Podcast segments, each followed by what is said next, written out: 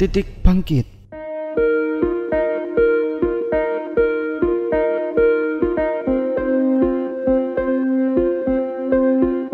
Jadi saya mulai perjalanan awal menjadi seorang bisnismen atau wira swasta itu dimulai dari titik yang paling bawah, dari nol.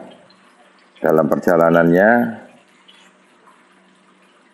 saya mengalami banyak hal, tapi bagi saya perjalanan itu menjadi guru yang paling baik, menjadi motivasi saya yang paling baik. Dari modal 100 ribu, sekarang mungkin di kisaran 200 sampai 300 M aset saya. Dalam artian ketika saya berjalan, saya menemukan dua metode, dua cara, dua cara supaya kita bisa meraih titik tertinggi dalam artian bisa sukses. Satu cara batin, yang kedua cara lahir. Cara batin itu adalah cara kita yang beragama ini me, meminta dalam artian me, mengkomunikasikan dengan Allah Ta'ala atau Tuhan untuk bisa dibuka jalan. Karena saya punya prinsip semua yang ada di dunia ini sudah ada jalannya. Seperti daun jatuh itu sudah ada takdirnya. Dan saya punya prinsip bahwasannya apa yang saya lakukan ini karena takdir saya sedemikian itu dalam artian uh, kita wajib untuk minta bahwasannya ke depan itu bisa lebih baik dalam hal batinia. Dalam hal yang kedua, dalam hal lahiria. Lahiria artinya kita membuka jaringan seluas-luasnya. Tidak terlena dengan apa yang kita punya. Terus menambah teman, terus menganalisa apa yang menjadi kekurangan kita, terus memotivasi uh, diri sendiri untuk bisa lebih inovasi. Dalam artian uh, tidak berhenti di satu titik, tidak puas di satu titik, uh, terus berkembang. Dan mereduksi, melemahkan, mengurangi lawan, rivalitas, memperbanyak teman itu kunci utama. Yang paling penting adalah menjaga apa yang menjadi komitmen awal apa yang menjadi uh, dasar kita bekerja itu dijaga. Menjaga itu justru lebih sulit karena ketika kita uh, mencapai titik yang tinggi atau sukses kadang-kadang sukses, kadang-kadang kita lupa apa yang pernah menjadi komitmen awal, terlena dengan apa yang menjadi cita-cita uh, awal. Dari 100 ribu, 200 ribu, saya berusaha untuk mencari partner pembiayaan. Perbankan itu adalah partner kita. Pertama kali saya masuk di Danamon Simpan Pinjam dengan aset mertua saya. Dengan modal awal 17 juta waktu itu 2013-14. Nah, kepercayaan di perbankan itu nomor satu. Ketika bank itu percaya uh, pasti pembiayaan atau kredit akan terus meningkat. Posisi uh, di bisnis. Itu satu adalah kekuatan keuangan. Itu yang awal. Yang paling penting kekuatan keuangan dalam artian uh, bukan kita punya modal gede, tapi kita dapat dipercaya. Itu modal yang paling besar. Kepercayaan itu adalah modal yang paling besar dan itu merupakan kekuatan keuangan. Dari kepercayaan itu timbul nanti uang dari supplier, dari perbankan dan lain-lain. Dan itu itu kalau dijaga itu akan bisa menjadi besar. Titik terendah ketika, ketika saya setelah menikah 2021 ketika saya tidak punya pekerjaan, ketika kondisi saya sakit, istri saya dalam keadaan hamil. Itu yang paling rendah di dalam hidup saya. Dan pada posisi itu saya sadar saya harus bisa memberi nafkah istri saya dan anak-anak saya.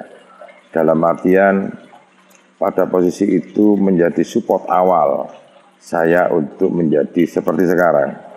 Jadi terendah saya tidak mempunyai pekerjaan. Jadi saya tidak mempunyai dana, tidak mempunyai pekerjaan dan nyaris semua teman itu menjauh. Seperti itu. Dan itu saya anggap itu hal-hal yang sifatnya alami. Tidak menjadi permasalahan justru supporter saya itu adalah keluarga saya, istri dan anak-anak saya. Artinya saya beruntung, saya terima kasih sama Allah Ta'ala, saya diberi istri yang menurut saya sangat sempurna.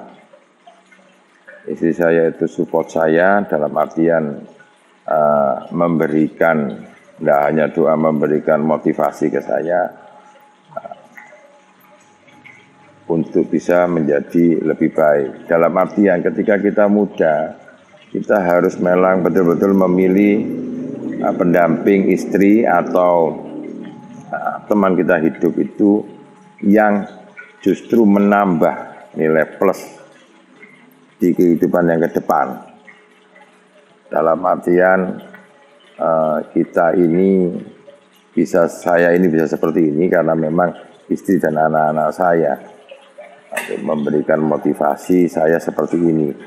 Karena ketika menjadi seorang bisnismen yang hebat, tidak dibarengi dengan keluarga yang hebat, itu sama dengan bohong.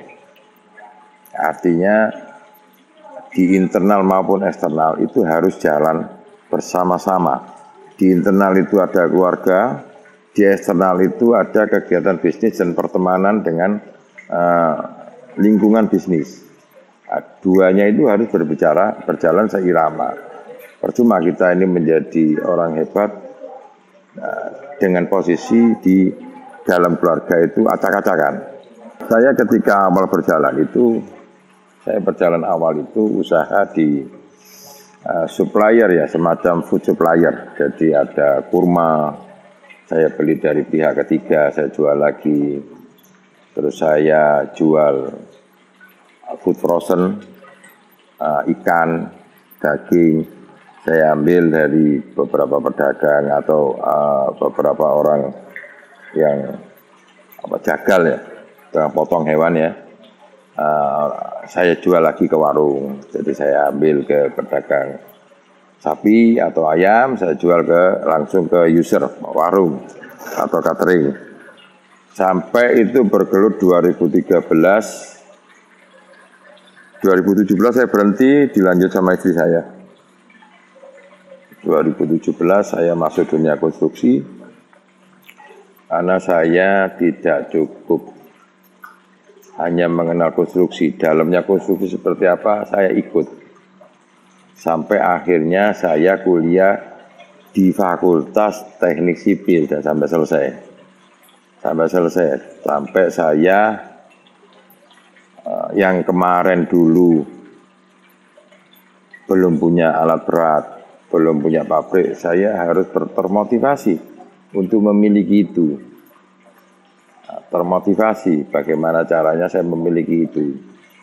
Kalau aset di atas 200 M saya dapat memang sudah saya dapatkan. Yang paling penting itu satu saya menjaga aset itu dengan apa? Dengan satu dengan sudah diatur di dalam Al-Quran ada ada zakat atau sodako saya jaga saya dikasih amanah dana berlimpah-limpah itu harus saya manfaatkan bagi sekitar yang paling penting itu dari semua itu adalah bisa memberikan akses manfaat untuk teman, saudara, dan sekitar kehidupan kita. Itu yang paling penting. Setelah sebelum pandemi itu keadaan ekonomi baik-baik saja. Begitu masuk Februari, awal Februari 2020, masuk pandemi corona di Indonesia, semua kegiatan terhenti, termasuk saya. Jadi yang bisa saya lakukan hanya bertahan sampai keadaan ekonomi membaik. Ya, di 2021 ini berangsur-angsur keadaan membaik. Saya harus menjemput perputaran ekonomi lebih awal di 2021. Karena 2020 itu sangat sakit sekali. Di 2020 itu sempat merumahkan 20 orang karyawan saya selama 8 bulan. Dan pada akhirnya di Januari akhir 2021 berangsur-angsur saya ke, saya kembali saya masukkan di perusahaan lagi, saya tarik kembali. Di 2020 ketika corona itu melanda, perusahaan saya off total seluruhnya. Dan saya mencoba mencari solusi Salah satunya saya mendalami dunia medis. Uh, karena waktu itu dunia kesehatan itu yang malah lebih besar pergerakannya ketimbang sebelum corona. Ketika pasar ini butuh penyanyi dangdut, sedangkan kita ini penyanyi pop, kita tidak bisa idealis untuk dinyanyi pop. Kita ngikuti pasar di dangdut. Dalam artian seorang pengusaha itu harus bisa menempatkan posisi idealisnya pada tempat yang memang dibutuhkan. Harus bisa memainkan idealisnya dia sendiri. Yang paling krusial itu mengedukasi diri sendiri supaya menggerakkan keuangan dengan baik dan benar. Artinya menjaga cash flow itu lebih utama ketimbang nah, ekspansi. Saya Rosman Ariansa, CEO PT Multira dengan alamat Jalan Raden Bata Kota Pasuruan. Dari saya untuk titik bangkit Warta Promo